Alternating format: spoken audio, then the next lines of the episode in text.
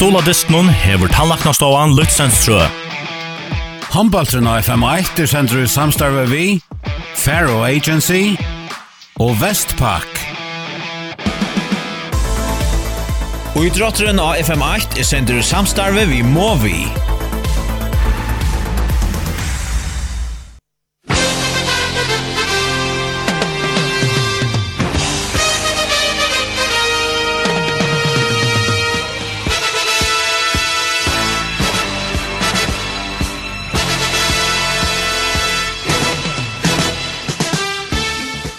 Velkommen til Beinleis håndbølt her av FM1, mykje kvalt 15. desember.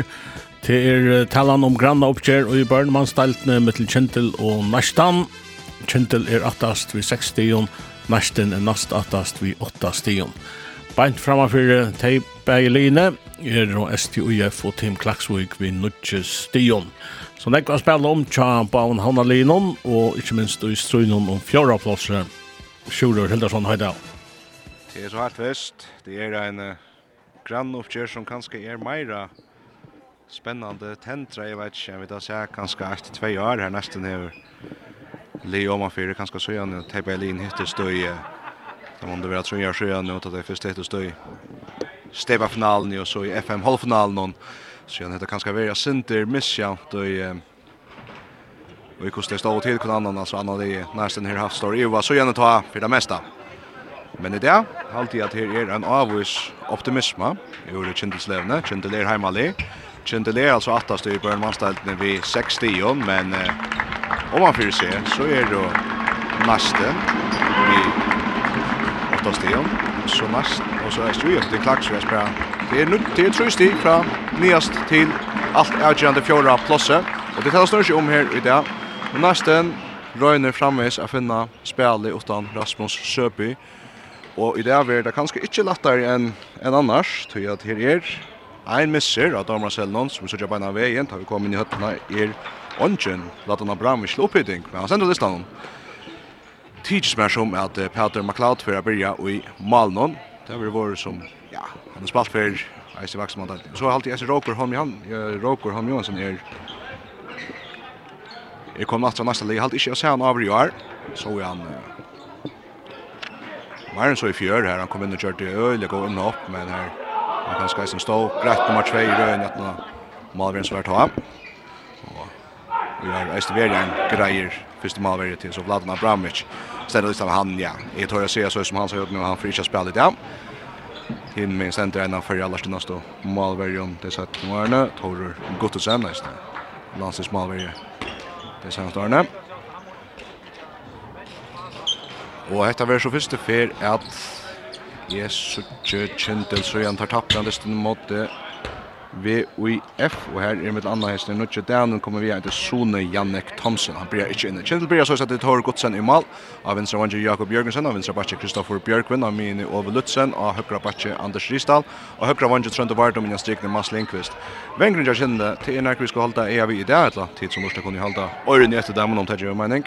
Jakob Jørgensen av venstre vanger og Trønde Vardom av høyre vanger er her var det Gåer fyrir nekk, nekk og avrik og jar og her hava bøtt vel om støvna til kjenne så jeg tar. Jeg kjenne til tids mer jeg norskast av Olivera topp 4 linjen og st jeg har vinnig undertippa her nå Astriar Overlutsen er av Vøtlen og Natter. Så han gjør comeback for Jar Kristoffer Bjørkven, Vinstre Vonker av Vujajetna och Sergej Landsten som vann gott i 2019 till European Open. Han spelar nu backor. Färbälten ut i högre här. Nej, det har haft en trend. Var de i jökten och skor inte. Är inte inte ordentligt av viss rum att en bjärgen till Patriot inte, men till också på en term mittlet så för nästan framåt. Sönder Kraksten. Och kör fram till Felix nästan någon och Torrent där bjärgen över frukost. Frukas gånger kött här nästan så vi vidare. Öde gärna spelat att så släppa stärk och gott press fram efter och så där. Felix Maur Kjartansson och just den ingen högra backe som rønner seg her. Onga Lama Bak, men en Lama Vonka nästan. Tar er så jeg sier til er altså Peter McLeod i Malmö så av vinstra vansk är Hans Bjørkvenn, så er han bror Kristoffer av vinstra Bastia Kjenne, og av vinstra Bastia nesten någon August Inge Oskarsson, av minen Sønder Kraxen och högra Bastia Felix Maur Kjartansson, och högra vansk Hans Arason, og Inja Strikny Isak Vedelsbøl. Nu för August Inge Oskarsson og Lepa av vänstra Bastia, men Ove Lutzen og Sønder Vardon stäcka honom i fälla frikast nesten Här börjar vi. Vi sätter från nästan någon vart Han tog ju det sjön och också rätt när stitche att orka hötta vi efter sälja. Nej, Kaja försöker med Kaja från Gräs i ta. Vi har den sen men tar väl Augustin Joskarsson ganska en likar som var mest sönder tjänar nästan någon. Det känns man likar som Malita fitta var på Rasmus Öhost. Det tror troligt här. Färs, färs, han var så skott i vänster hand här vi har se. Så det kraxen rör ner mitt fyra och fram i, fram i. Häcknes där släpper han skott och så för att Kittel hinner in där kassan längre fram mot Sönder vart om det väl runt nästan någon bulten ner och långur. Bulten ner och länker kanske Sönder inte se han till att det är nästan men fyra men inte allt att till Malkastel nästan. Nästan all bättre. Sönder kraxen det är bra ut av vänstra backen. August Jöknen och Störbjerg Bjergman här i brottskast. August Werner rörter. Holger Forter tar för Jöknen. Men det går spel från nästan någon. Här är 0-0 med den Kindle och nästan vid att spalt i halvan 3 minut. Och Isak Vetspel teker i brottskast. Ja, ja. Kvist det. Blev han just riklar gärna tjänar nästan. Och nå Torbjörgar! Och det går Bjerger från Torre Godsen.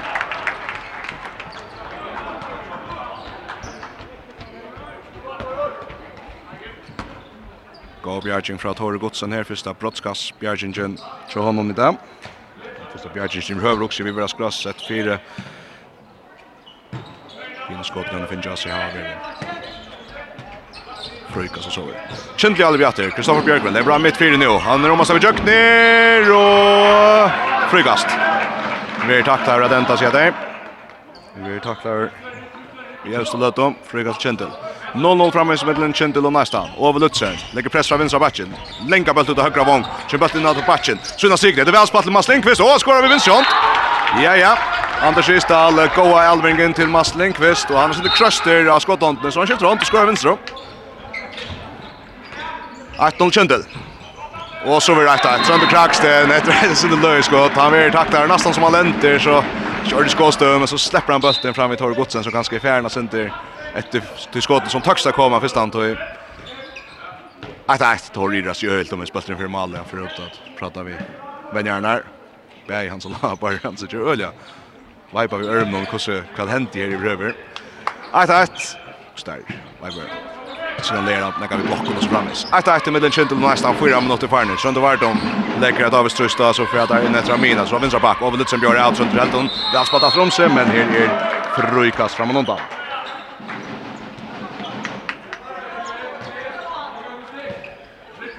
Frøykast kjentel til Tietje, så Kristoffer skulle bare mitt vid Anders går, fyrir opp og henga! Godt skott! 2-1 Kjentel.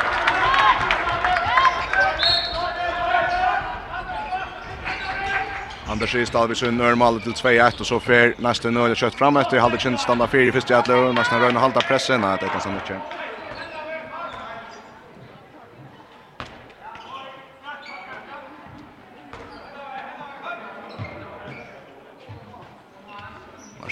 ha en kom i kvartsland där, det spelade diskussion mot Fräkland och Sverige Fräkland framför en normal som Chilida.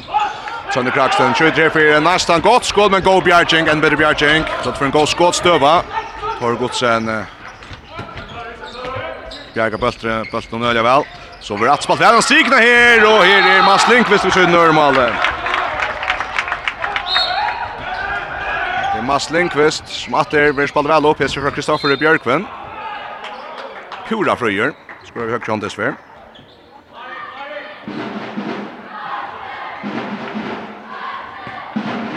Tror jeg kjent det vi har spalt det i går 5 minutter, 5 og en halv kanskje. Nästen pratar. Men tar gott sen i Chinsbanan är kommit igång vi tar en gång Bjärgingon. Brottskast från Isak Vedspel så senast här. Rattliga fri chans till Trond Kraksten. Och Beffe Sund läser August Ferran. August Roman kommer jökne. Nu ska Brottskas, ja.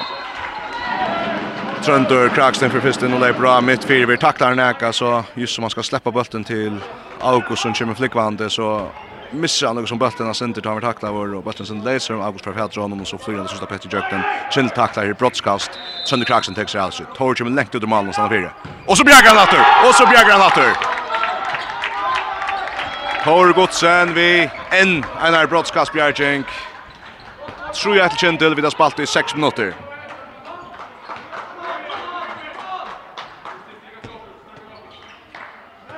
Kjentil i alloppe over Lutzen kipa spelar, råpar og sånne legger hva han vil heva.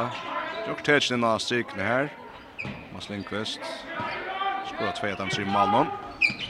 Så kommer Sander Vartom innom det bra på mine. Krossar Kristoffer, så blir det Anders. Så over Lutzen, nega plass til vinstre. Nästa med standa fire i korsene. Så får Anders, han lepa av her er frikast. August Inge Røyner at tretja tråk på sjur. alloppe noen.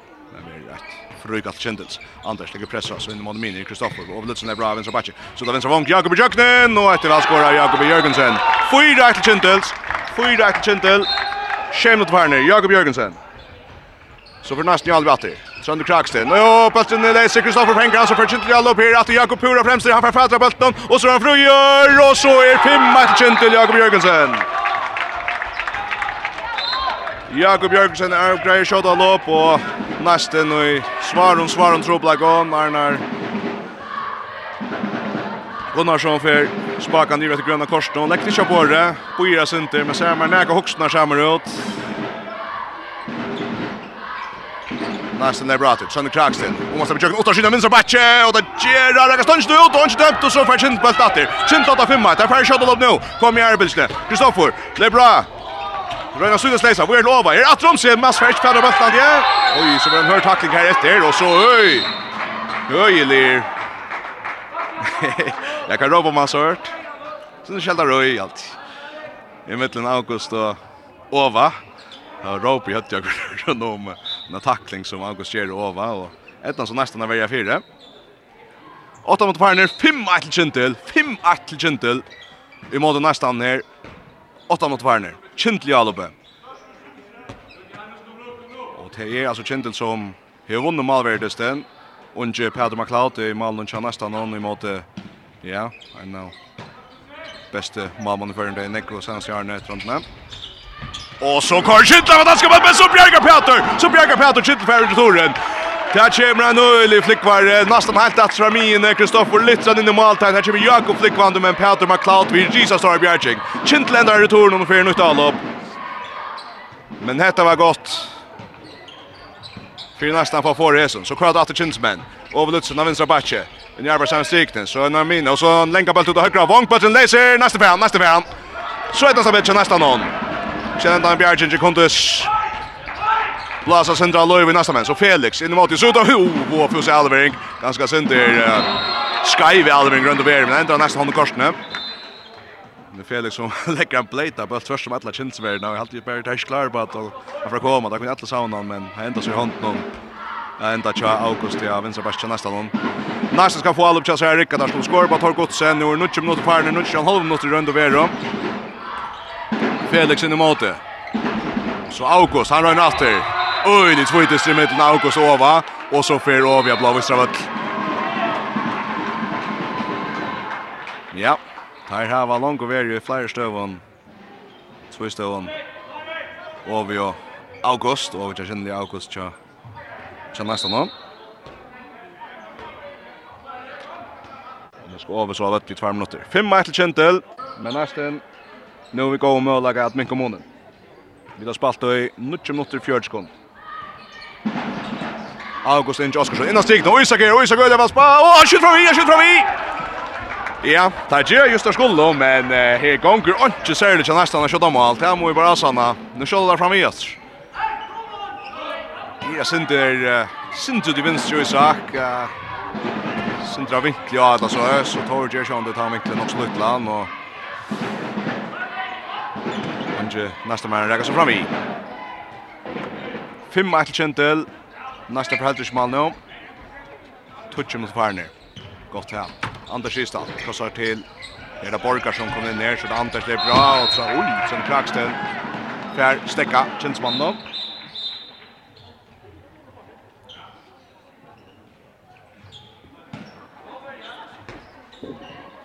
Fem match till Kentel.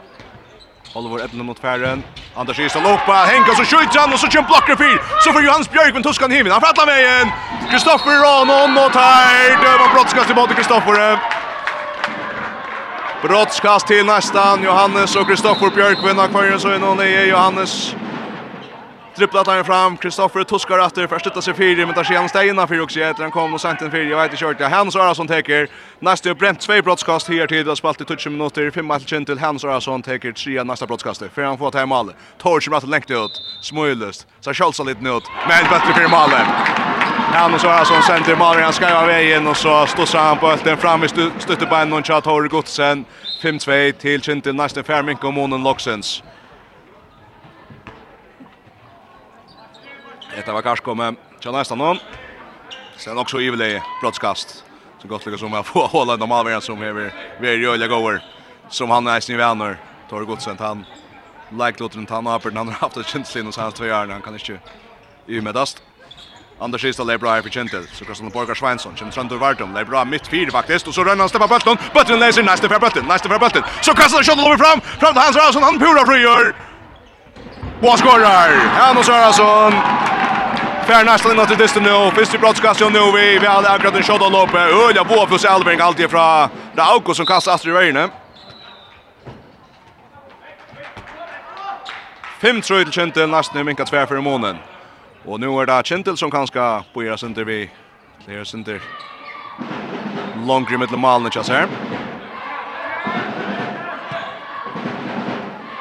Tolv minutter. Farner. Her og i Ja, i rund och värja rätt agent dyster eller tutningar med dyster i mitten Chintil och nästan och det gör det gott och så utla vi lägga jämnt av här eisning. Kristoffer Björkman vi är då Lutzen, som gånger passen det vad Chintil helt ut åt högra vånken det fantastiskt spalt så skorar där. Vi William Nolse och högra vanket. 6-3 till Chintil William Nolse och öliga flott vångskott och högra vanket. Så lepa Nästa med Nathur, Sjöndu Kraksten, skjuter, om man för ena, men om man för Maljesne, om man för Maljesne. Næste for ikke mal framme, 6-3 til Kjentil. Trønder kjente sein at i verina, men det er en kjent med men så kommer der jøkna, vinst av Vantje, og så skorar der Kjetrøy, Jakob Jørgensen.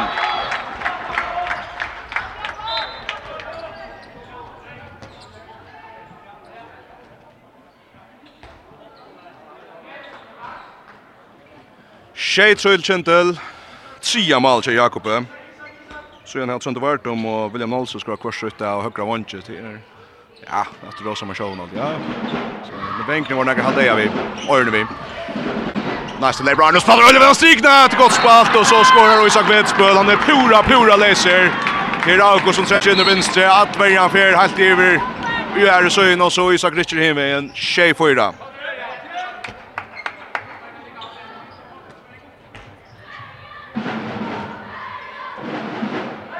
Tjej fyra till Kjentel och Isak Vetspöl minkar månen. God dyster vi där vi ger här nekra de unga läkarna kvar så og le. Vysa seg vel fram. Boisa kvällspöl. Her er hans Jakob Jørgensen. Åh, han er bra som sett vad han spalt og massor han. Og etter otroligt vad han skorar och Kinne. Tre mål Thomas Lindqvist. Og etter han fram i ordet, allvägen fra Jakob Jørgensen, så kommer han vinst av upp och hänga mitt fyra och så får Sander Kraxen bra hivin. Heina lutta Fintis så sender Anders Risdal ut av söjlinjen och så flyr han jökt mitt fyra Trøntor. 8-5 nu. Jack Schotter Mal Schotter, inte. Sönder Kraksten, minkar mot 8-5. 8-5 Kendall Kendall Hjalpe. Vi har spalt i fyrsta minutter.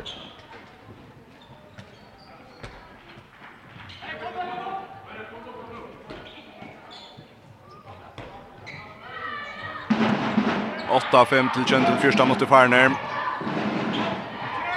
Och Kendall spelar väl. Rad efter. Åh, August Udrön fiskar bollen. Detta stack vilket kan kan sen kanske lösa Kristoffer ut till Anders Anders för till jöknen och så skorar Anders Ristall till 95 centel. 95 centel Anders Ristall skorar. Och nästan för Albatter. Och så tar Arne Gunnarsson timeout för nästan. Så på ändå ett men hinner nästa att komma så har Sundry igång men det alltså en värja. Så Sean inte som vanliga mamma att han för sig men Peter McLeod här är attraktiv två gånger på Gun.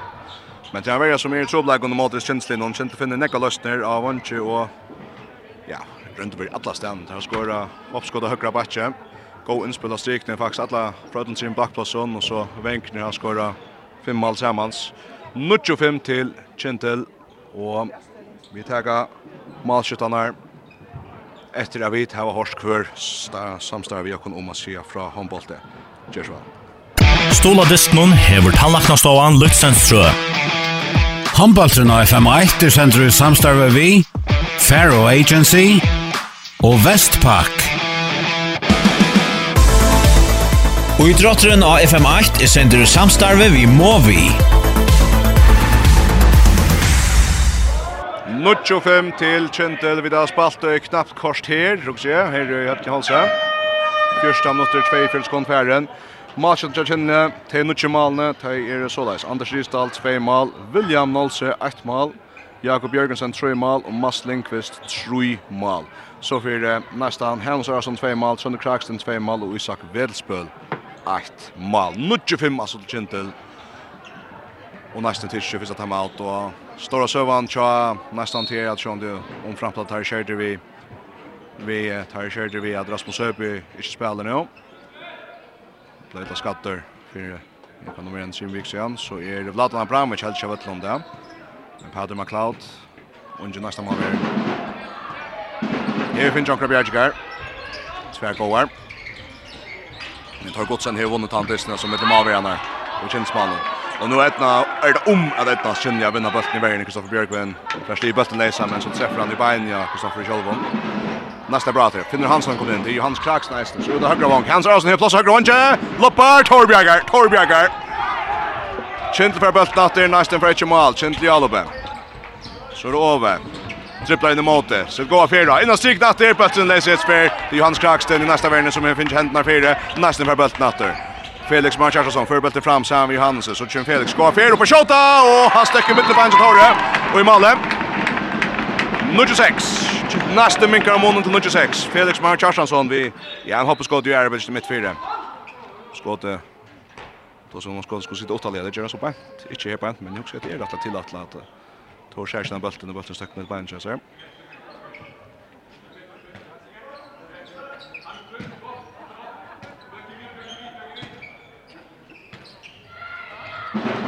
Felix Kjartansson alltså minkar månen till Nutches X och så för Kristoffer Björkvin har lankat hoppeskott mitt fyra steg och där för Dixty Malle. 26 6 till Kjendel Kristoffer Björkvin i Malle. Och så spelar nästa man in uh, av strikerna och här vill Hala centrum av strikerna och tar en utvisning. Till Jakob Andreas Johansson. Och Kinsverne. Ja, yeah, i nej akkurat också att det kommer gå Elving innan strigna till Isak, men bättre för längre fram igen och Jag hade det nog är så att vi tvåar borster och till han för utrustning för Jakob Andreas han är tvåa och i tröttan så Isak så och så är för för ett spalt någon som till han så. Tudje cycle gentle gentle och i undertalet nästan ju alloppe nästan vi utan spel nu finner han som skiva där. Kvar till vänster till August och Jösa centralt igen. Så kommer för Finner in i måte. Krossen August, August. Och det Johannes, Johannes ska plats ut högra vång. Hans jökna dörr. Och Torer med Sandbjerg att dörr. Torer Gottesen. Vi är när Bjergjeng. 26 till Kjentel. Nästan gagnet inte hesa här. Meire luta stövna. Rätta mot etter fyrre hållet. Kjentel. Åmanna. Atleisa fyrst og sedja om nottnar. Eis om han har vi fyra mål om 26 til Kjentel. Vi har spalt i går 6 minutter. Kjentel er i Alebe. Kristoffer Bjørkven. Krossa vi er til William og Høkka Vansic var inne i oppsen til Batchton. Så er det bare her til å Vinsa Abacitron og Ova. Vi takla vår og frykast. Kjent spiller utan Malverja. Og i halvtrykk kunne se at nå tar det i hjelp. Jag känner inte på alla på trusjer kan att tredje til færa. Nå spiller at han gåen, bøtten av sikna, Mads Lindqvist, vi så innom någon fjärde mål. bare bara lite Anders sista för inn, tar fram mot två mån Anders og Mads, og der standa bare rødt så ju och Mats på ved pura frøy, fenga bøtten og vel. väl. Det är väl lagt sen så han må tøtja ett så någon tar tøtja så väl. 11 och 6 kände det spalt i knappar 18 minuter. Nästan det är bra. Jans Björkman. Och på skjuta Torbjörgar. Torbjörgar och kvar för Torn halt nästa för Torn, ja. Nu står alla på nästan. Eh det här Sergej kunde träd och i Iver Kalle. Så bra där ser Johansson. Gott plats för Adlan Jack nu och så skjuter fram i och så skjuter fram i. Där kommer ju nästan skora. Här skorar simpelt inte så enkelt kan det vara att jag hur ska tappa en hoppas det. Så att Så hvis jeg tar och bort og bare malmølegene er oppspillet, så alltid då legge mer javnere ja, enn etter. Er, altså er 11-6 Kjentel, og Kjentel er alle bjatter, Kjentel er fullmanna. Sleppa seg her, mest som snikker leser bort og seg underta støvn. Jeg vet ikke om det er lätt etter trett, kan kan man Krossa der, Uljan Ekver, Kjentelsmenn, Ove Lutzen, på 28, han vil vi her skåtstøvn her frøykast. Bølte fer fram i.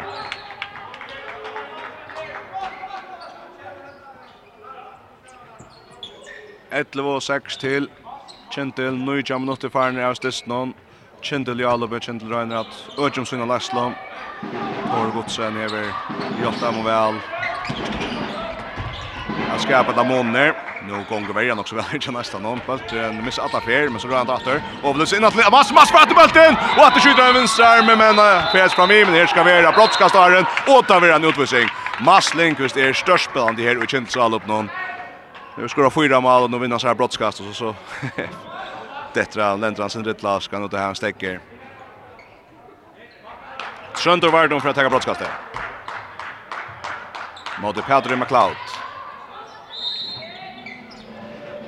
Och Pedro Bjergar! Pedro Bjergar! Sönder har gått att höra en Lena så touchar sig nästan fram i Malmgren som kommer längt ut men Pedro träffar att han bulten som han är. Och ett sån här där törva. Ta i här och slägger av så. Få akkurat så bjärgning som kjentleisen för här.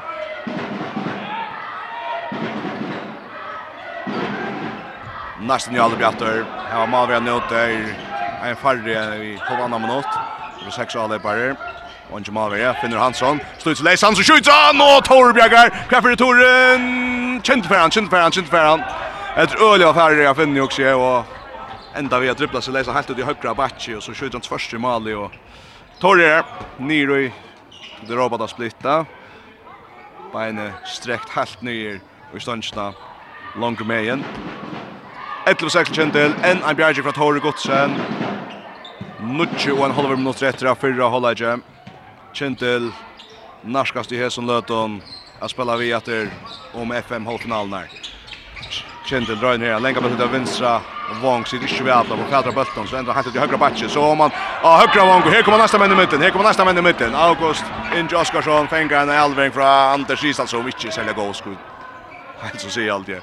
Jag vet inte körda kvart Michel inte var här men hon var inte nära för att lunchen. Vet du Anders är långt ner. Jag hade hört dem säga sorry. Jag var nöjd med Michel in går i Chelsea 11-6 till Kjentel, nesten slipper vi sketchen her i en undertallstøvå. Skulle nu att er min kommunen. I Albe finner han som skipa där så hade August av vänstra backe så Johannes av högra backe. Jens Kraksten så finner Björn Avatar och måste passa läsan och vi tacklar helt att ända släppta skotkorset nu. En god möjlighet men tar gott sen han är unga troliga skott någon men är frukas nästan. Frukas nästan till till nu. Johannes Björkven innan hans arbeid mot det samme Isak, Isak fær ikke stid seg Jøkst, akkurat ikke. Mister på det første bantar han skal fære. Men det var spalt der Johans og Isak alltid etter en godt hoskod her vi må sett. Og så finner at nei, så kan han frykast. Jeg har alltid, jeg har alltid noe med å lese, men så får forbølt han kvekna bort fra noen, og jeg synes ikke akkurat hent, men her tar frukast nesten. Så finner at der, og så Torbjergar. Finner han en underhåndskåd. Torbjergar, Torbjergar. Tror det var malt til nesten noen det är framme i sövan och ja, nästa man får så en annan att prata om hur tar konettan som vi har fått som malen till att nu ska jag inte prata om tingarna. Jag ser inte alla som jag vet inte.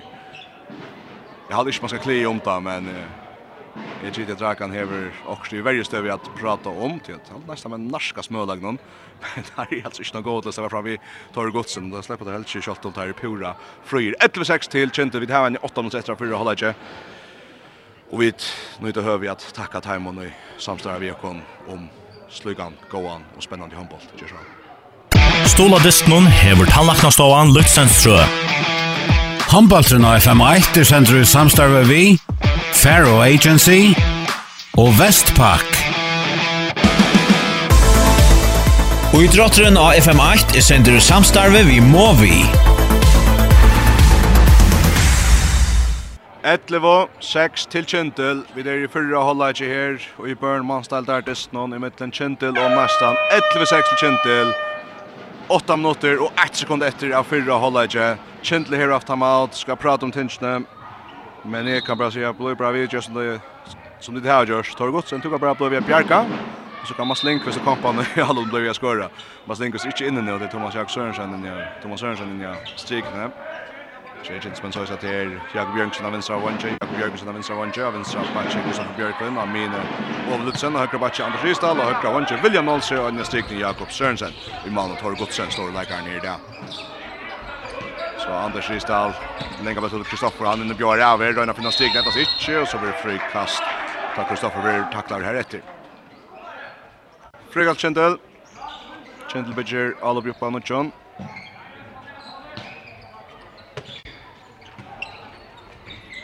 August Inge kommer nok så lengt ut at Orek ospallar kjenne, men smadrar spukse til høyre vank, og så reker kjennsmennene fram i TV William, i høyre vank. Så er det nesten ikke langt grav, vank vong noen her i hova sida, der har vi rullet over. At det er venkning tja kjenne, så det var de spiller kjærligt, altså spiller kjørt inn i akkurat nå, til William Nolse, høyre vank. Tja så kan man ikke reie. 11, 6 til Kjentel. Knapper 6 minutter for her Tjej minutter etter av Fyrhalder skal helse, ja. Og nå kan nesten komme til en sjanse. Ja, det gjør det vi, Johannes i Bjørkven. Onkursvekten enda der vi har spela. Nya vinstra var inte så ett tvärmål mot Johannes släpper jökten i allt det här blir jag annan men det enda vi att Johannes fär bulten i halt nya vinstra var inte så lägger in och skorar. Johannes Björk minkar månen till 1-6. 1-6 hälsar öla landjar ju så. Ta Sörnar stöver är det. Så är det kanske kommer ta tur att han för tusen första nästa mål. Som får kabo efter. Och Lutsen spelar Thomas och Pedro Bjergar. Pedro McLeod Bjergar. Att Jöle går spalt den striknar jag känner men att det stör Bjerging från kan nästa mål redan. Så för August Inge. Han levererar en jökna fantastisk färg men Maver Bjergar till Tor Bjergar och Isak Fengar i Tor nästa för Böttnatter. Nästa för Böttnatter.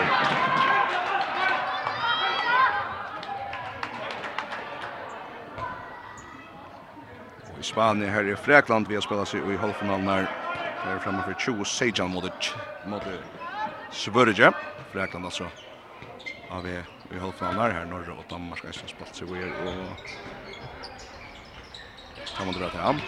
Här Chander Kraksten leper i jøknen, og der Søyn i høyre bakje, han får ikke brottskast, han reker stansjen ut, han reker stansjen ut, og det senere kommer atter, og så satser han neste mann etter bølten, det er ikke for kjent jøknen, og Jakob Bjørk som er ikke med, han får ikke med, han legger bølten under maven, men så teker han stansjen, han får akkurat ikke inn, og så fyrer neste frem atter, August Inch innan stigende, velspalt, og Isak skorar 1-8, neste vinkas frem fra munnen nå,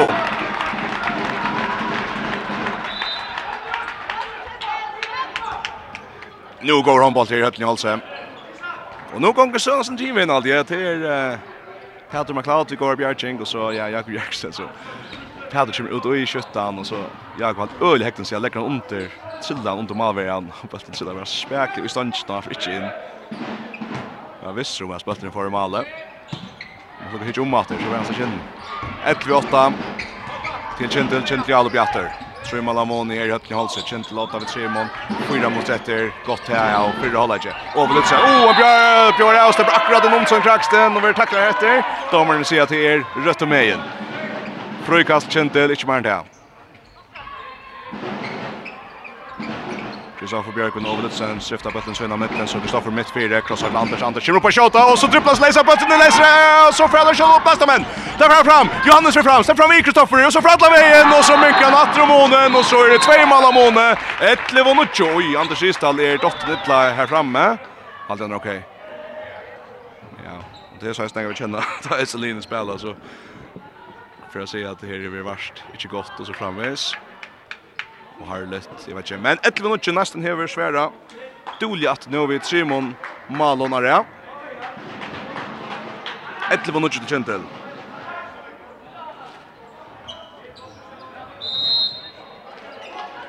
Johannes Björkvin Minkar og Månen.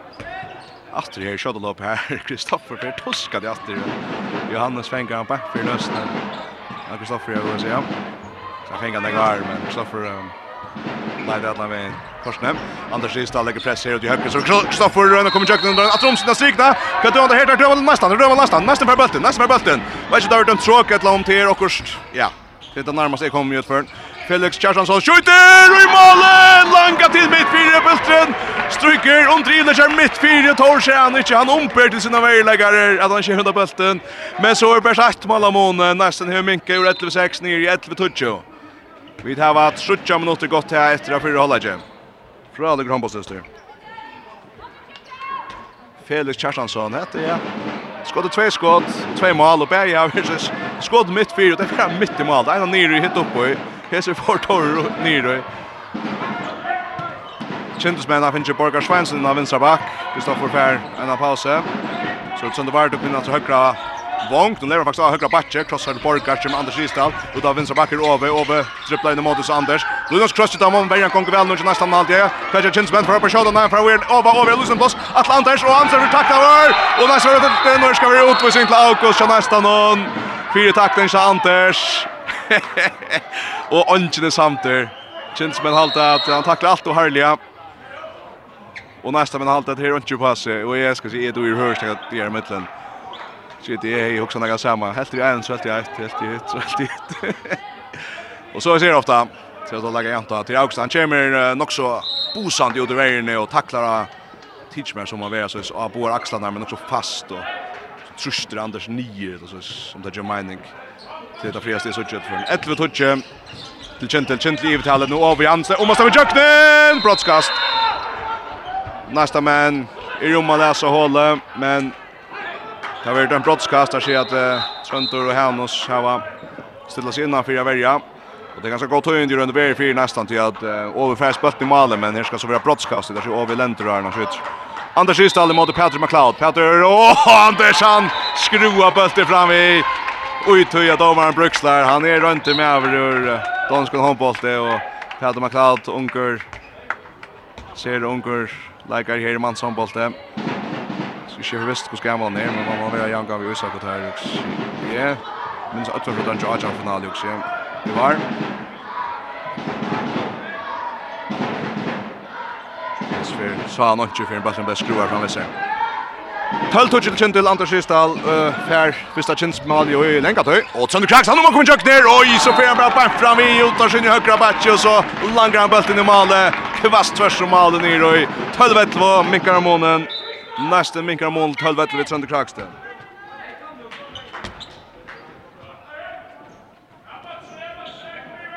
Det var ett sia mål till Trønde. Håller varandra mot efter av fyra håller inte. Nästan i undertalje i fjörde sekund att rätt. Kintel i alloppe. Vi är en flyer Anders Ystad ut och högra vång. Trønde Vardom har tagit sett bulten. Man rör frigör och han skorar väl. Trønde Vardom till 13-1 till Kintel. 13, 11 til Kintel, 1 minutter. 8 sekund. Efter av fyra hålla inte. Nästa mer fullman om 20 sekund. Och nu gör det så gott höj att uh, se sån här i jag lopp någon. Finner Hansson och Trond Kraxen pratar samman så skiftar det över vi Felix högra backe. Kör man skiftet Tröntor lägger första press för högra backe. In i Modemine. Vi är Felix. Felix på shot. Oj, han tacklar just i skottstövnen. Rakt sig där ja. Och där ska vi ha frukast till nästan. Tog in stäcka. Og her er just 3-4 sekunder etter skal lukka torskast. Det er øyne brester her ta og vi oppi og taklar skottantna tja Felix, men det er jo ikke pass i hukse. Næsten er fullmann after. August Inge Oskarsson kommer inn etter at han er vrjød i 2 minutter. Fjernbølten her mine. skifter bølten vi som Kraksten. Så det er Felix høyre bakke, August Mine, og så Trøndra vinser bakke atter. Bølten blir ut mot høyre atter som det betrøndra vi går fer fra vinstra inn og bjør av Weird August. Tidskjømmer som har Michelin, så Felix leber av Det Så er det krøstja dem ned. Kinsmen kommer ut og han setter. Nå er ikke han ikke dommeren opp. Ikke brukt brukning Alvin Gennadje. Han skal inn. Her er og 15 sekunder efter. Det har brukt ena kanske tvär. Som Kraksten, det är bra. Han han sätter ja, han drar han drar Och är alltid lunch att dra Nej, nej, nej, nej. Det är alltid att uh, Chilskal ska sätta spötten där Jedda nu. Ropen det kommer att bättre förstå sent. Nu har det sett spel igång. Tre skott efter. Taja mine och vi ska skjuta ur 12 meter. Då för bollen nej, för inte bollen. Tui var färdig på entären. Tui var färdig på entären. Och det är alltid SD race. Det går så går stund där Chilsmen att Det er ødelagt, det har vi drømt drale mot Trond Kraksten. Og...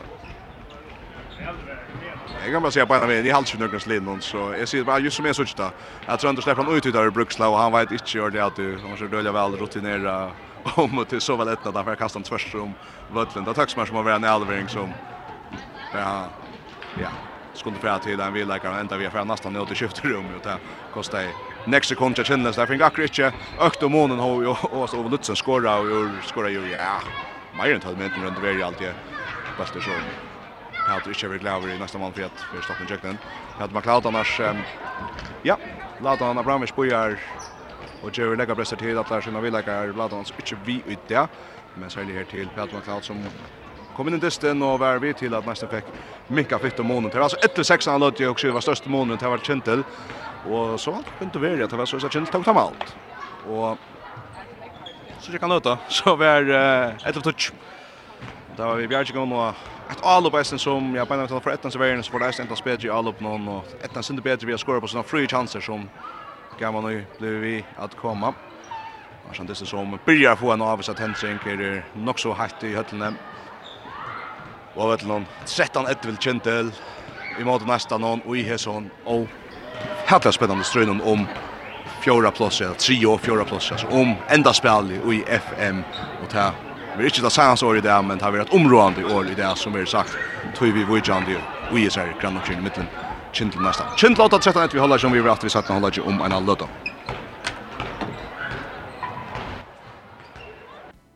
Stola Distnon hever tannlaknastovan Luxensrø. Håndbaltrun av FM1 er sender i samstarve vi Faro Agency og Vestpak. Og i drotteren av FM8 er sender samstarve vi må vi. Vi tvåna at spenningren eisne helsar og settna hollager. vel, kjurur. Ja, takk. Vi er at vi her i Høtlni Holse. Her er settni hollager om å byrja med den kjentil og nesten. Kjentil og nesten platt i jød borgar för en öl spenning og en öl är tentring. Han skal være sin så som så til senaste tvei, tvei åren eller så. Här är Chintle här är vi är när Karoba då där. Pitchingar fase eller så. Det här vi ett stora fragång runt att skapt sig ett nytt liv och kanske någon samlaka av ett någon. Jeg synes bench for det til som nesten skal fronter, om man har tøyt til at nesten, men tidligere som er kjørt der og kjørt der, hver jeg for sånn der. Og da er sett han 13, 11, her i Hollandsson i måte kjennle. Latan Abramovic ikke mal noen i det, Rasmus Søpi som kunne spiller ikke nå vekna Kjellan Kjellan Skia han fikk. Vi har jo vært for några veckor senere. Så en dystre vi tatt jeg lovte at Nästa var bättre inte så vi får ut och så han tar så hävd det inte ett nästan kan sälja tjäna nästan någon. Tappade vi touch mål någon senaste mot VF och så så grätt grätt här mot Kaja för det. Och nu kanska. Hei hetta vere ein oppa de dikkare smiter att ha på det kinle men att de så jam tar sig resa sig så att hålla sig där bara tar vi två mål och spelar där rulla kvickliga samman som Jans Björk väntar vi en central där ja till Johannes Røyne första finna sig när Charles här han ändrar vänster vant helt i högra backe men Mats Linkus färt fast i mitten men så sticker bulten på i ända efter Johannes och Mats här dottern där han tar sig efter bulten och så kan Johannes lägga fram frukt jöken och minka målen i ett mål 13 12 till central Johannes Björkman. Eskar vi se, han är bror Kristoffer Björkman av Kinslinon. 13-12 med en Kintel. Och nästan för Kristoffer för själv ropar skjuta mitt av mine och höcker till Peter för Petra bulten helt upp i målet någon. Peter Björkar och i nästa man någon Peter McLeod Björking. Så kan nästa fram fram igen. Vi har spalt i Eimund minut och sett 13 12 till Kentel nästa Njalope. Nästa är Manna Sös. som det här är fyra mest i det någon till vi Pedro McLeod i Malmö. Så har vänstra av Johannes Björk av vinstra batje August Inge Oskarsson. Amine Sønne Kraksten og høyre batje Felix Kjartansson og høyre vanje Hans Arason inn i stikken i kveldspill. Men for August Lepo han enda helt over høyre batje. altså vinstra batje. Vi er taklar just der han atlas her at, ja, Lepa sin drog fra, så takker han her, blir taklar ut gjenstår fra alt. 13 12 til Kjendel. Næsten i alloppe. Trønder vi ikke er heftig blått eier skal helse Sands og Diste. Så ser han kommer nærmere. Så spelar han opp til Felix Kjærsson her. Og Felix oppe henga nu. Og han skår seg tre av malet etter at samfunnet skåret høyre bakke. Helt ned i vinstermeien tvers om malet. Helt ned i vinstermeien høyre bakke. Og så ut i Anna går 13-13 i midten Kjendel og Næsten. Felix Kjærsson Vi syns om trea male. Overlutsen skipa spelare känner känner inte kom i orka så väl ut sätten hålla som tar kontakt ding så tar Godsen inte vi som höjlig Björk och han hejer kanske jag säger där börjar vi för alla tjej. Kristoffer Björkvin, Trustred, Anders Risa, upp och skjuta, plockar fyra, hotna kast. Så tisdag mer som att tar prata sen Real upp någon om att här några Michelingar vi kan ta lån. Tar en attragentsman. Kristoffer Weird Anders, så vinstra back. Och han går plåsa för Jöknen. Pelle Berger broadcast. Oj, och har ändrat sin ettla. Och ska vara utvisning till nästan. Men Åvi är av fått natter ska helt se den ska helt se öle kött då. kanske just det så som om av med så utan. Så det luktar att han är ju bättre så så men han så att han har prövat gjort han. Det är en utvisning till Sven Kraksten som ska ha Orekva och vad jag för jökten ner. Brottskast til Kintel, Anders, Anders Ristal teker. 13-13 mitten Kintel nästan. Nästan Jan här sätter han där och Anders lägger Kintel åt åter i brottskastet. Anders lägger Kintel åt åter i brottskastet. Får det var fjorda mål till Anders och det måste vi ta. Ta nästa efter brottskast. 14-13 Kintel, nästan Jon Talle vid spalt i 30 minutter av 17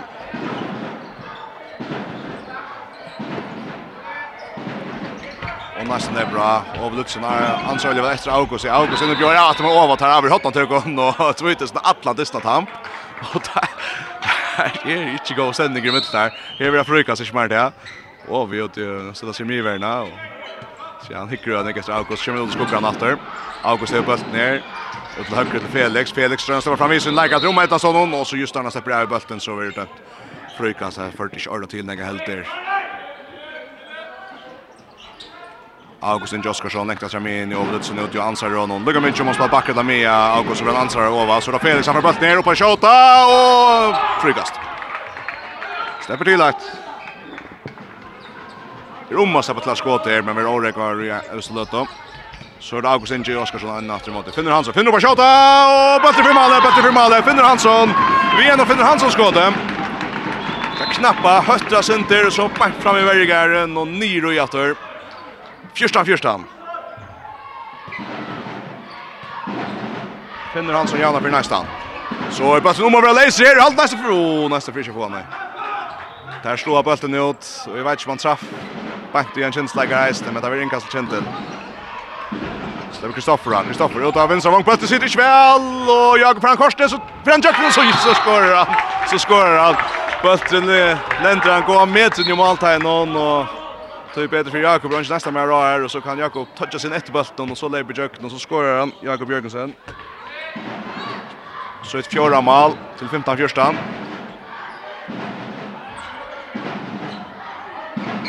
Femtan fjørstan kjente vi har spalt i fem minutter seiten og holda i tjue, og her borgar fire enn og... Gysra. lever drar till nästa man. Hans Arason kommer att vinna på skott. Skorar! Han får sin högra vånchen där vi har skottat ett så smjätnar skott och vänstra backen och tar teker torra boll i Jensmannen och så rätt i andra går 15-15. Hans Arason Hans Arason vi skott Ja, högra ja vänstra backen runt över och så får nästa boll natter.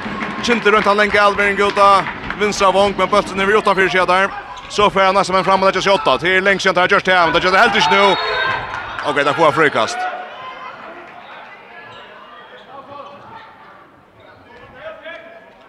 Femtan, femtan.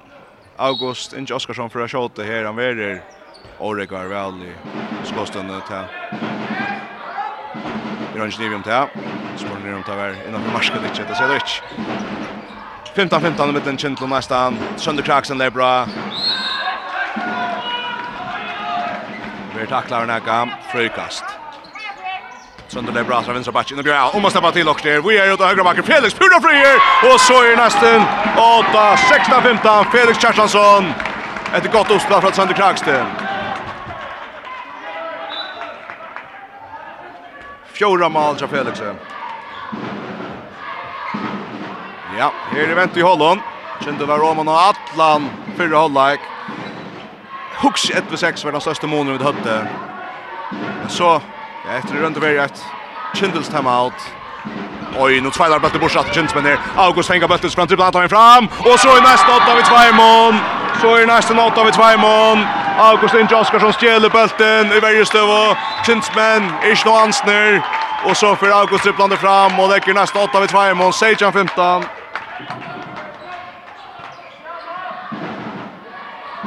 Så första mål till August i dag. är bekant Anders Rysdal innan stigna. Mats Fracker spelar någon och så träffar han Nivla Gernon touch i boxar bulten. Nästa för bulten åter och gång till Det är om ettnas massa Gerra och fantastiskt det vi att slå bulten då han la hoppa in i måltiden men bulten träffar Nivla Gernon. Och ut Seja 15 nästan. Här är Pura som väntar i hålen. Nästan i Albjatter. Felix oppe och skjuta! Fram vid, lengt fram vid. Så förkynt framåt. Så för Kindle framåt. Kristoffer Björkman av vänstra backen, han minnet till Ova. Så taget att affären. Så taget Dragan. Kjent var nere. Time out. Sejan 15 till nästan som alltså var 18 för vi två mål mål i Hollage som 13 11. Allt i matchen utan stämma än men låt oss kunna lycka. Armi tagat här. Tacka och våra samstarfsfällor och stolen. Cheers. Stola disknon hever tannlaknastovan Lutsenstrø. Håndbaltrun av FM1 er sender ut samstarve vi, Faro Agency og Vestpak. Og i drotteren av FM8 er sender du samstarve vi Movi. Her i Høtlen Holse hever Kjentel 15 sekunder etter å prate om tensionen her. Her har vi 8 18 var 8, var 8 13 etter vi holder etter noen. Og nå er det 8 4, 16 15 og nesten noen. Matchetan er det er så jeg spyrir Kjentel i halvt. Jeg har Kristoffer Bjørkman av 1 så Trønt Vardum av 1 Anders Gisdal av 4, William Nolsø av 1 Jakob Jørgensen av 4 og Mats Lindqvist av 4. Det måtte være til 15 mann som kjenner. Så til nesten noen, Hannes Arason Troy, August Oskarsson 8, Trøndur Kraksten Troy, Felix Kjærsansson finnes her 4 nu. Finnur Hansson 8, Johannes Björkvind 3 og Isak Vedspel 2. Seja 15 nästa som alltså var skift i 18-4, 11-6, fick jag väl den största månen så är spänt som är minnest. Men alltså känns det så väl rätt om man har förra hållet. Nästa så kom vi. Och fick igen att 1-1 vi också om i ska över. Men vi 13-11 i hållet nu. Fick känns till färdrat där och Taktus med sig för Romana. Nu får det att alla bara här känns. Kristoffer Björk, vi fänga över er verjan til nesten kvar vel, kvar vel at nå. Verjan til nesten kvar vel at nå. Om du kjallar så vet om distans så är det en blaunger, nesten malverje som vi tar via Jerry här. Han har sin spalt seg opp i distance här tar godsen. Da første løten av er korrekt, beste legger av øtlen i kjensmannen. Så här är Peter McLeod teacher väl fra i nästa mål. Nu får han chans att og Bjørk etter! Petter McCloud, vi ryser Bjørking. Kjentesplatsen har stigit og trettet seg mulig väl i det. Men Maslingqvist, for ikke bøtter fram vid Peter McLeod. Jesus står Bjerg fra Petre. Petre McLeod, ja. Jeg kan bare se han fra den beina ved om at jeg har alltid kjørt at jeg har um, lagt hans annons treningsmester, så kan han være stod den Georgia-finalen i var, Stepa-finalen. Han blir inne näka her, där börjar vi. Men Ölja, gott övrigt där. Nästan i Algator, Seja 15 till nästan. Nutje minut i farna sättna hålla sig. Här är bra August då. Så till Felix. Felix i högra backe. Om måste vara Bojer. Finner August. Han är mot Einar. Så skjuter han. Mål! Mål! Mål! Han skjuter bara inte om över axlarna. Mats Lindqvist som Bojer efter honom. Och tar godsen. Färche rötcher ner till bulten. Och så Raja 15 nästan. August Inche vi ser sönder öron Malem. Och i det när ska man se hur Spanien HM som lägger av här att Fräkland har just spalt sig i halvfinalen. Har vunnit 31-26 av Svörgen. Kjentler ju aldrig att det i. Här är slett inte börjar så att man håller en svenska gör det förra. Där var det Roman och Atlan förra hållägg. Nu är det här Atlan förra vid två om. Nu får Åbja bjöja av vänstra backen kommer och centra åtta skinn släpper i köknen. Och där gör det brottskast i mål som de ser där. Nästa men här görs brottskast och här ska ha brottskast till Kjentler. Och så kommer Roger Holm Johansson in en leikar som vet så gjør Neko innhopp, ta han var så stål smalverje tja Benzegudør i fjør. Så etter fyrst fyrir gjør at nu hører jeg listan hon. Stendriver fire, Anders Risdal. Anders har skåret på i Sønje mot Petre. Så Petre er stiget fra Søndervartom. Anders Risdal mot Roche Holm Johansson. Og Anders skårer. Kindelferma, Latter. nått 8, 18-16, Anders Risdal, Minkar Månen. Femta mål til Anders Juksem og 3 etter brottskast. Hade man klart som vinner målet. Nesten er bra att det her var Johannes Björkman av Vinstra, vantje, August Oskarsson av Vinstra, vantje, Aluminium Trond Kraksten. og Høyre vantje Felix Kjartansson, Høyre vantje Hans Arason. Den stycken hyser kvetspöll og i målet til Hade man klart.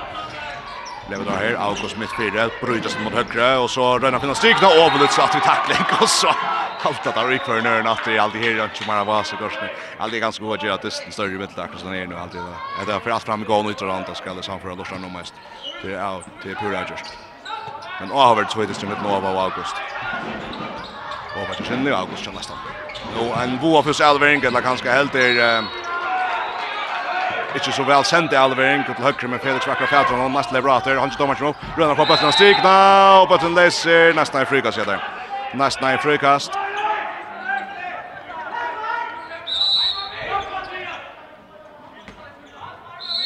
Svante fær bulten ner så kan Egon från vänster släppa in mot min från vänster backen. Strikna här Johannes Backers fäder bulten. Släpper hon vidare så rör Karl Halt mot högra av Von Karl att tackla här. Tackling. Frukas till nästan. Vet inte där efter Alvin kan inte vara helt näck och tar här att dra nu så där tar att dra nu så domaren ner. Fink kör och sätter spel igång där. Det är för det att tar inte inte har brukt att sina spelningar men tar skämt en och näck vi har brukat så senaste en eller två.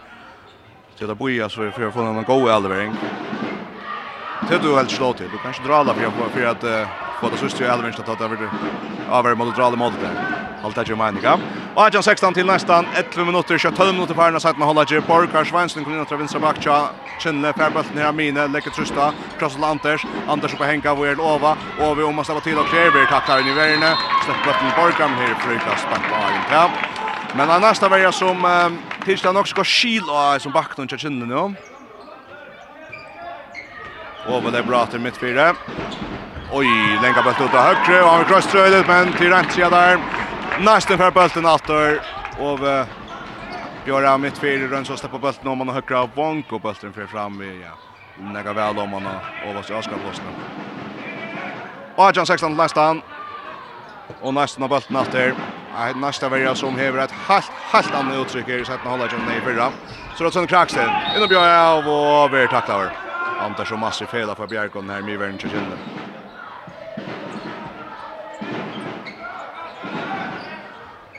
Trond Kraxen er bra mitt fyra, krossar til August og til högra back Felix. Bättre ner. Sinne Leiser, Kindleiran, Kindleiran. Kind for bult efter. Ja, så halt jeg nesten nästa man kunne... det at man kan bruka nesten sin fyra att inte få rosa Kind till värjan där Gerard till. Det miste ikke med hentet på en taren i alle opp noen til. Det må så gagne ut av omskrikkene bedre. Det sier at det er røyne sier at neste alvor kvar helt ikke løyda lest. Og så i løten er sett noen ikke, så det er flere uten det gjør det fyrra. Månen så han til at nå får der bølten innom Tor Godsen som det er så hurra og mulig har vi å gjøre for nesten i fyrra løts. Jakob Jørgensen er bra her fyrir inn. Kjentil vi er også, stepper der bølten, og Johannes gjelder bølten i neste verne. Og neste for bølten atter. Jeg vet ikke hva det hender her. Per Jakob Bjørksen er bra. Så kommer rundt, Adam er rundt av venstre vondtje, ut i høyre bakken som kan kiksa det i middelen han, og er det Kristoffer, Johannes Bjørkven, tveites jo av framme fire. Kristoffer Bjørkven, for å fædre bøtten. Så kan næst atfra fram, at Johannes Kraksten kommer inn, skiva spall her pratar vi Trond Kraksten, spelar högt till Felix, kommer rungen från strikne. Det är Felix av högre, så Trond drar mine på en av vägen. är Johannes, Johannes som 20 meter, Boel Trond. Så Felix går för högra backen, Röjna slutar sig läsa. Ner Borgar Svensson, det går tackling. Boel går tackling. Frugas nästan. Trond Kraksten är bra, vinstra backen, trippla in i måten. Vi är helt in och packar in Kristoffer. Släpper Johannes Kraksten då. Felix Lebra fra Grabatch. Ole Krøsten. Så Johannes underskå Torbjergar. Torbjergar Felix finner ikke anledd og lykker av vetten Og tar mo stekka det ut i at det er altså vi høtt altså det vi Jera. Og Chilsman er sindra åsamt og hva skal fra fram her og blir det sen.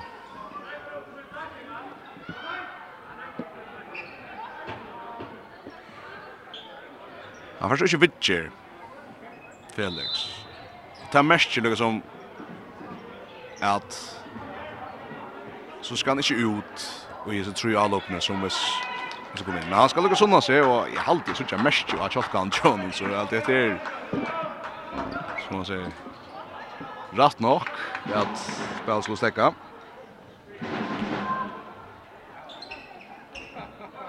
Men känns man sjön till Öljeter där vi har kört lopp och kör nästan med över Gretter och så att han inte tar stora framme om så bruks latter. det. ska jag stäcka på ena vägen om Tyrell tror jag om att det näkra hett. Rött och någon hos oss. Så också tar jag mening. Så vi ser.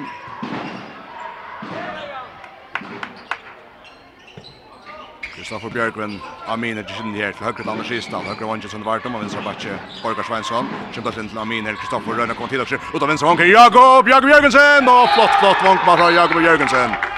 För jag tänker känns det i och så er um, Mats Lindqvist av strikene. Jakob Dias Jonsson kommer i verden I Malmö Torgutsen.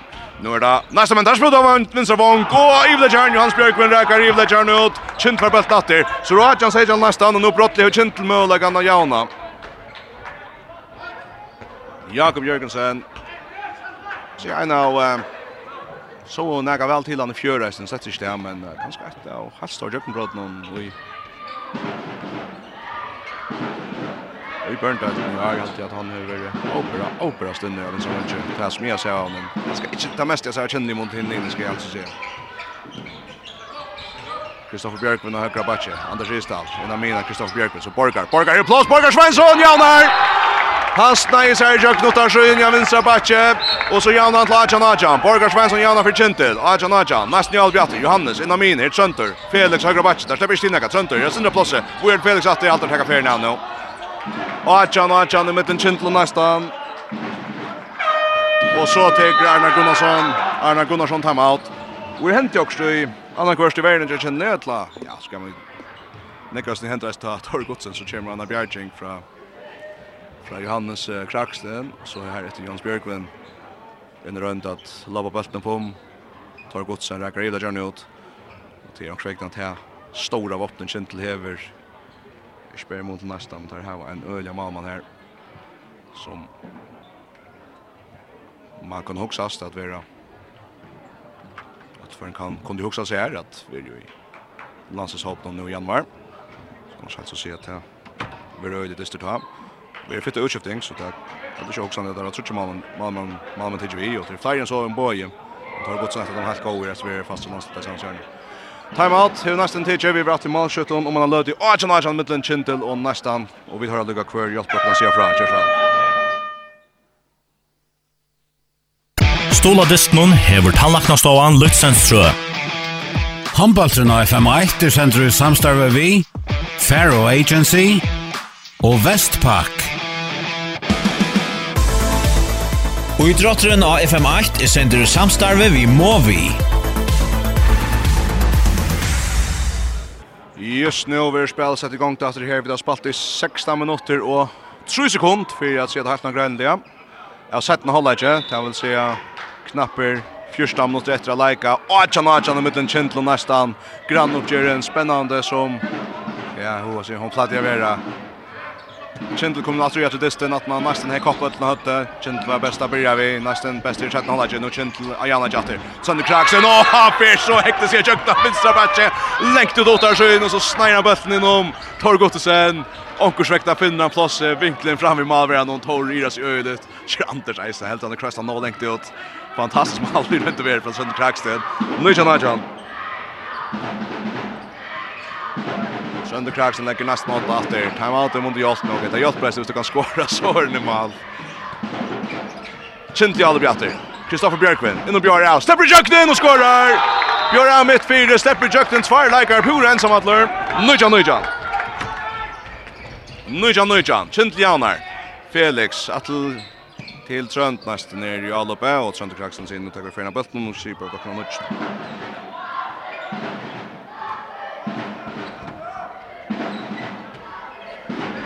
kommer några skifter här. August Inche vi where the vinstra backer sönder bättre missa sönder färden man sitter fyra och John Felix Amina till August. Att högra backen Felix Felix goa Fer, in med fyra så allt han nu måste försökt nej jo brottskast brottskast han släpper in och batchen, tja Schindler så blir han tacklar ja. Ja, så inne jag vi vill säga. Hannos Arason. Skjøyder sin vinstra armen. Torgosen helt inn i målet. Og han bjerger! Han bjerger! Han er så lentra bøtten Og feirer høyelig der. Han bjerger. Han fer rett av veien, og så høyre vi bølten treffa okkurst, og så videre ikke han er, og så visste han seg at Malveren sitra bølten hon. Nøyja, nøyja, han er mittlen Kintil, og nestan, Kintil bjergar brottskastet, Torgotsen, tria brottskastbjergar i kjønn i dag, og så han finner ganske tvei i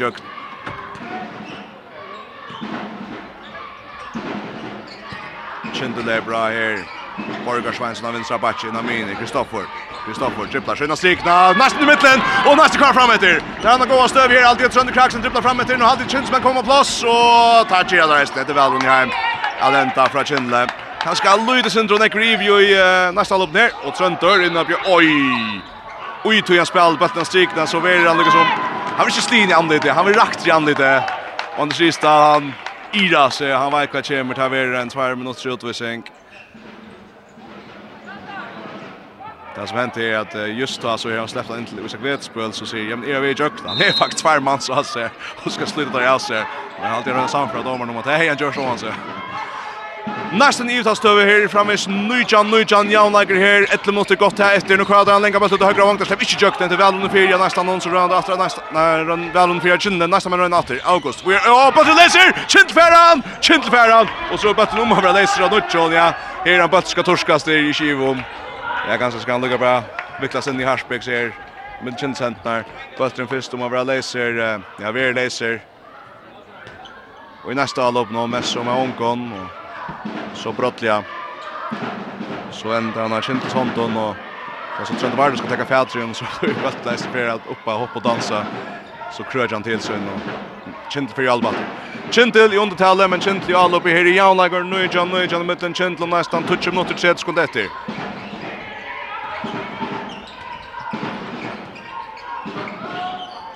Kristoffer Björkvin mitt fyra. Innan stigna, väl spalt, Thomas skorar! Att det går stig mål fra Kinne, Thomas Sørensen vi ser noen første mål. Kristoffer Bjørgren vi går gåen opplegge. 20 Nujjan Kintel.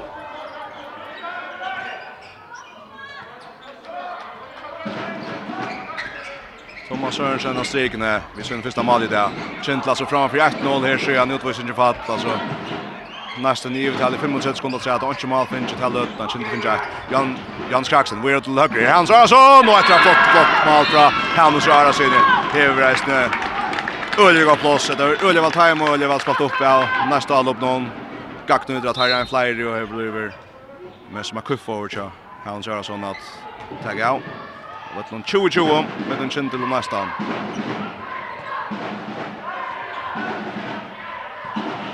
Fjóra maler til Hannes i dag. 20-20 i middelkjent og neste. Nå er vi kom inn i der sjansen og 20 minutter her. Og gir som tøtninger med Gladisten i grunnspillen i Burnmannsteltene. Nå til Kvarsti, Beiline, Dirge etter, halvfinalen Og Beiline etter seg kappast her i resten av grunnspillen. Om teg. Og jeg legger pura janta. Kristoffer Bjørkvind inna mina. Väl ut av högra vångus för Trent Trond Rödersburg. Står Peter McLeod Bjerkar i nästa mål någon. Peter McLeod Bjerkar i nästa mål någon. Nästan fyra Albatri. 20-20 nuts mot 30. Nästan i Alby. August Inch upp och skjuta. Tore Bjerkar i kins mål någon. Tore Bjerkar i kins mål någon. August Oskarsson skjuter av vänstra backe. Sinterkröst alltid. Skott ger. Mm. Hamplet vill säga. Det går ju åtta led tvärs som men Tore Godsen träffar han väl efter ett skott som Torre Norsk och styr på här vi har sett. 20-20 i mitten Kintel och nästan Kintel och nästan vi har 8 och en halva minut efter att lägga. Och här rör de snäre. Borgar Svensson kommer in att vi Kintel. Det är Kristoffer Björk med bulten. Anders Ristad pressar. Kristoffer så Borgar. Här sitter Plosser. Rör sig med Weir. Weir Kristoffer och fick akra bulten. Öjda läser ut av högra hånden. Söndrar till den nya fri. Esmer och skorar. Söndrar var de högra hånden till 21-20 Kintel. Nästan i alla bjatter. Andrew Chul Kintel, sönder var de lägger Kintel åt efter. Vi har 8 mot 1 att spela just nu.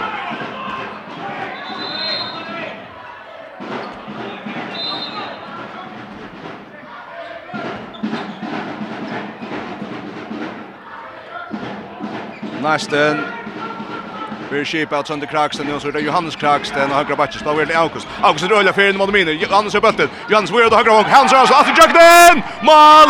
Och kvätt. Där vill Johannes Rosing här nästa men tar vi där istället. Tvær mot rød till Thomas Sørensen Kjøtjen för en attackning och att han motiverar Johannes Kraksten som just fick spalt bulten vi är ute høyre vang til Hans Arason och så rätt igen Jan 21-21 Kintel i undertallet etter det er alltid at her er jo ikke ofta for døgnet Mot ansa seg bedre.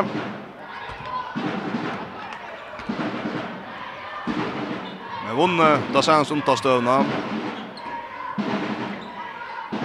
Kastar bare ikke atter. Men nå brøytas setan som ikke nekk, vi er så lutt i etter, og du nøyst at stitta der, ja, hva sier, stitta der sluntene. Nøyst at teka tøya klokken her, så du ikke setter og nekka bøltar i neste hender med en høyre enn flere. Kristoffer Björkvall, vi vet Anders Ristad, Anders inne på jag vart det. Kristoffer in i mål ut av vänstra. Ett lag ut av vänstra honket, det var smart Jakob Jöknen, Jakob Jörgensen lägger sin låt åter. Här spelar först och nästa värna först i högre suven, så så släpper akkurat på sig pressen tja. Tja nästan någon. Ta nästan ut gör Rönner att tackla.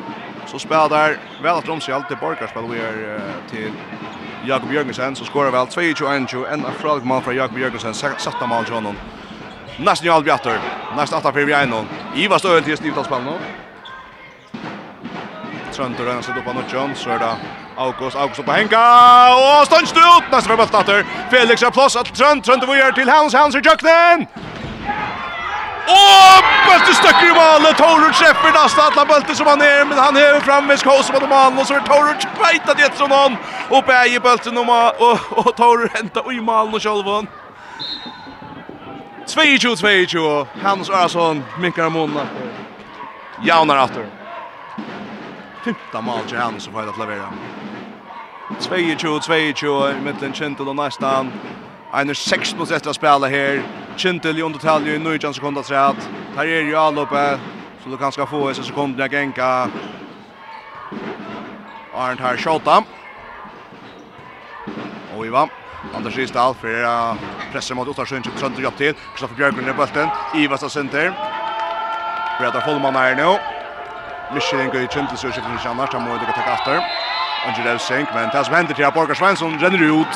Men det er Døyre Sanchen, det er just Fullmann här som avvenker en korsene. Men nå skulle han lepa atter, han står han opp just nu. Anders Isdal, opp Och kjøta! Over målet, over mål! Han snøyker seg innom drivende kärnan. på en Og man blir hendene av Malveren, og 3-22 til Kjentil. Så for næst i August, og er fettet nå til sin klanters. Og i halta fer kan skal være mer enn så. Tvær minutter. Tvær minutter til Anders Isdal. Til August Oskarsson som uh, fyrir kjøkken og tar seg inn til Anders Isdal. Og domaren i skiva tar seg at uh, Mærne Forter, bakken som flyr kjøkkenen. Og en av lutta løte så spyrir det kvann annan om tvær minutter no mykje, ta semest har kjøtt om så gammal nøy, at her skal bare være tvær minutter. Kjent som en kjanter, er du ikke takket i her middelen, så er ikke ut, så mykje kan du stedfeste. 22-22 kjentel, men nå kjentel alltid vi en utvisning, og så kan det bli enda tega i halvtid, etter ansatt er sørst noe vel etter, altså der kjenner linjene til håndene. Men da han setter det sånn utvisning någon och där spelar nästan att han har satt håller sig under tallet och nu är det bäst 5 minuter efter och nu kan Sönder Kraxen jauna vi brottskastet till mot Torg Godsen.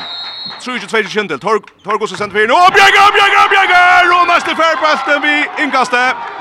Torg Godsen vi synar fjärde brottskast Björgar det. Är det för mot Sönder Kraxen om vi ska skriva.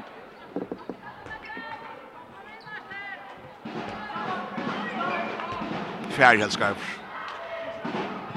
Vinsic, Lugamic. 23-22 til Kjentel.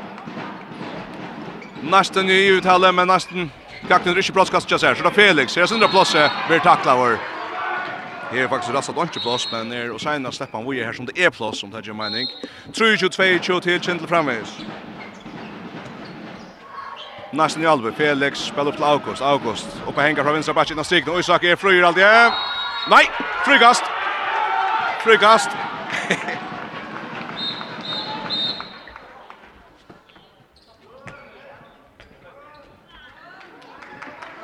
22 til Kjentel. Fyra mot rett rett altså. Så er nesten i alle bjatter. August ut til høyre her, Trøntor, Trøntor for Jøkne! Brottskast!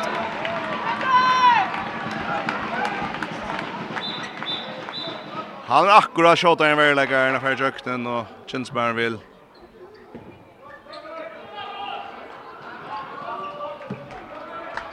Kommer akkurat sent i taklingsna. Og så er brottskast til nästan August Hekker. Torre jagar fyra brottskasten. Kvedja nu. Han teker ikke etter. Han teker ikke etter. August Oskarsson. Janar 3-2-3-2 brottskast. Her fyra mot retter. Kintel i undertalje. 44 sekunder Och Og Jalope. Fyra mot retter. Knappt her. 3-2-3-2 mot Kintel nästan. Og i som strøynon om etter valsikning av fjøra plåse.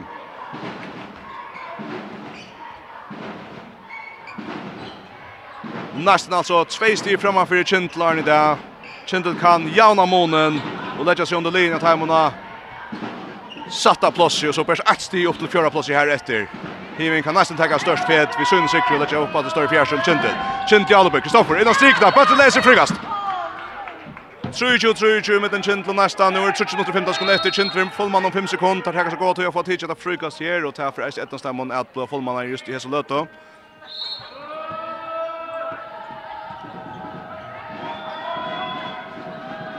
Kintli Alupe. Kristoffer Björkvind dribblar mitt fyra så till högre till så och högre hångt. Sönder Jöknen! Och skorar! Sönder Vardom till 4-20-3-20. Sönder Vardom högre hångt och det Himen. Sönder, vad är det August? August i Jöknen! Skorar 4-20-4-20. Och nästa med väl åter här var notmusik. Det var inte en test för. Välfärgat så till Kraxten Fisson så är det till sen och så är det August Inge Oskarsson som flyr i Jöknen vinstra backe. Lender Hars. Oj, tar gott sen. är kommit ta fyra i stund. Au au au. Hetta kan vara trobolt. Hetta kan vara nöjligt trobolt för Kintel. Så kommer Leivor Gottesen in i mål. Och i halvt dragan kan ju Öle väl över att ta time out. Här är 24, 42. Här är 4 minuter och 30 sekunder efter. Och en av de allra bästa mannen tills med att vara sin skatter. Han det är inte helt gärlig. Han kanna sig fötterna över hur jag säger. Jag vet inte om han bekade lockst. Men hetta Och även så är det bara också fast det så att tar man absolut inte på skatten nu men lägga mig 42 42 i mitten Chintel och nästan Chintel tills time out. Jag vet inte om det är live F Gottesen. som kommer in i målet. Jag kan säga Jag kan säga för spalt. Så är jag så spalt vi upp igen för han ska med om till samma. Det är en samma här som jag sagt för alla, för Janne mot Happy i fjärde alltid. Han spelar så känns, just att det här kommer in i mål här. Uh, Låt oss ha kött höra kvar för att stål här sån här. Otroliga spännande distrar inte här. Stola distnon hever tannlaknastovan Luxensstrø. Håndballtrun av FM1 er sender i samstarve vi, Faro Agency og Vestpak. Og i drotteren av FM8 er sender i samstarve vi Movi. tvær minutter og 23 sekunder etter og i disnon i middelen Kintel og nästan i høttlen i Holsi her i Bern. Deltene Kintel tvei sti at han fyrir nästan stiatalen og tøtt om strøye om fjorda plasse tru sti fra fjorda plass nån til nyasta plass og her er 24-24 middelen Kintel og nästan Kindle Jalobe. Kristoffer Björkvin skipa spel. Jag vinsar bara över Lutsen. Han spelar väl Kristoffer. Kristoffer pressar ut till höger till Anders Ristad. Så Kristoffer efter Ramine. Vi pengar vår. Atle Anders. Anders lever in mot Mine. Och öden ett synen nu till Kindle. För att han tacklar ränkt sig av Ötlen Näsnen. 4-2-4-2 mot. Och nästan Farjens farm mot rätter. Kindla Bötnon. Nicken där kvar Kristoffer Ovi. Överlever bra från Vincent Kristoffer. Hötter. Han släpper Jöknen och skorar. Kristoffer Björkvin till 25-4. Just där i sig Jöknen mittfyra. Hötter sin till höger så bryter han til venstre, Stephen Jökland, 25-40, Kristoffer Björkvild, Sander Kraxel, Ron Justa Sam Hinved, Sjod Akravan, Kvartan Sinde Leser, åt där fengen atter. nästa män får Akra Petron och han för linkast. Og vantar Mr. Alvering fra Felix ut til Hans i högre, 25-40 til Kintel, Holder for andre mot etter. Minjen till, nästa nya alloppe, Atafir vi Einon, Holver Anna mot rätter, Nästan det bra. Sonny Kraxel, han är om att finna sak. Plats! Broadcast, broadcast, broadcast. Tor Godsen är kommunen att mål ska jag alltså säga. Halta sig näggen mot mål nu men allt han tisdag vidare för för att spela. Brottskast till nästan tog en gånger. Hon får se en 20 point. Nu är minut efter. August Oskarsson kör sig till att ta brottskast. Tor Godsen sänder nästan riktigt. Nu har skjutit skorar. Nästa Janar till Jaunar, 25-25 August Oskarsson vid brottskastet.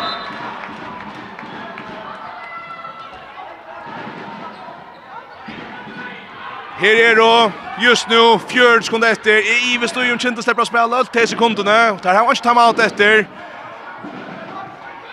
Dyster Algerian, er i nånt, overlutsen av mine, spel Kristoffer Bjørk av vinstra batje, så til høyre til Anders Isdal, Sønder Vartum kommer rundt og jobber til av høyre av vondje, næste menn ser her dral. Domaren Runas Tishivi. Av vinstra batje, Overlutsen. Kristoffer Mittfyr. Ivast.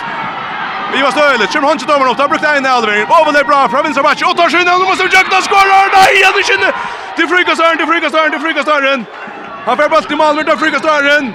Här är det, 5 sekunder efter där, er tusen stekka, 5 sekunder etter, 25, 25, Kintel hever bulten, er 5 sekunder etter, her er 5 sekunder etter. Jeg vet ikke hva det er alveringen, nei, Neivan er ikke særlig. Alt er av eina, Kristoffer skal sjåta, nei, Kristoffer, oi, Eh, där plöta spelar Leo på ena vägen och tar där tagga frukost till nästa men här är ju framförsande alltid eller.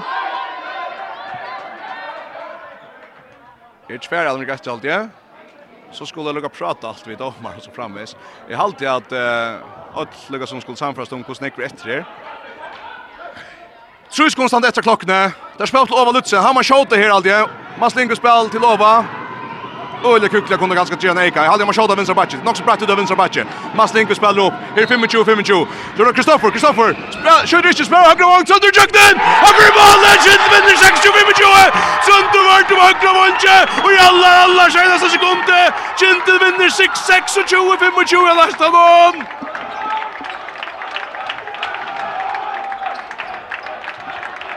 Våre som drama. Og så er Kintil Ajant vid nästan stiatallene. Ett sti skiler fjorda plåse og kjenta plåse i børnmannsteltene. Kintil er vi at i FM-strunnen og i enda spelstrunnen. Og nesten, hetta var han vatevøtter. Han leika jo det janta. Kintil vær og man har atlan fyrra hållleik. Tor Godsen vi størbjergjegon, Einar 4 er Erre Jetter.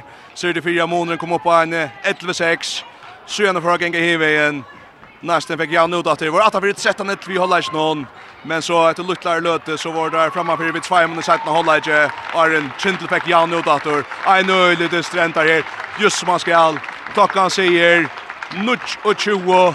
Nutch Holtzrush. Ta sönder vart om, släpper bulten i male, leiber och og høyre vondje, alt der, Gjere, ja, inte ikke samtidig, ja, Gjere, Allt är alltid lite tøy, men där får han just ta skal ut høyre vond, Juksar skulle han skjuta vänstra bakke då. Där har 3 sekund, men Trønde Vardom, Det är bra. Jag alltid det som händer i isen ska se att det var 5 sekunder och inte 3 sekunder.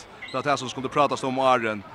Att um, Tujin blev sett igång för Tulja. Och tog ett nästa så spelade ut av högra vång. Ska skunda med helt.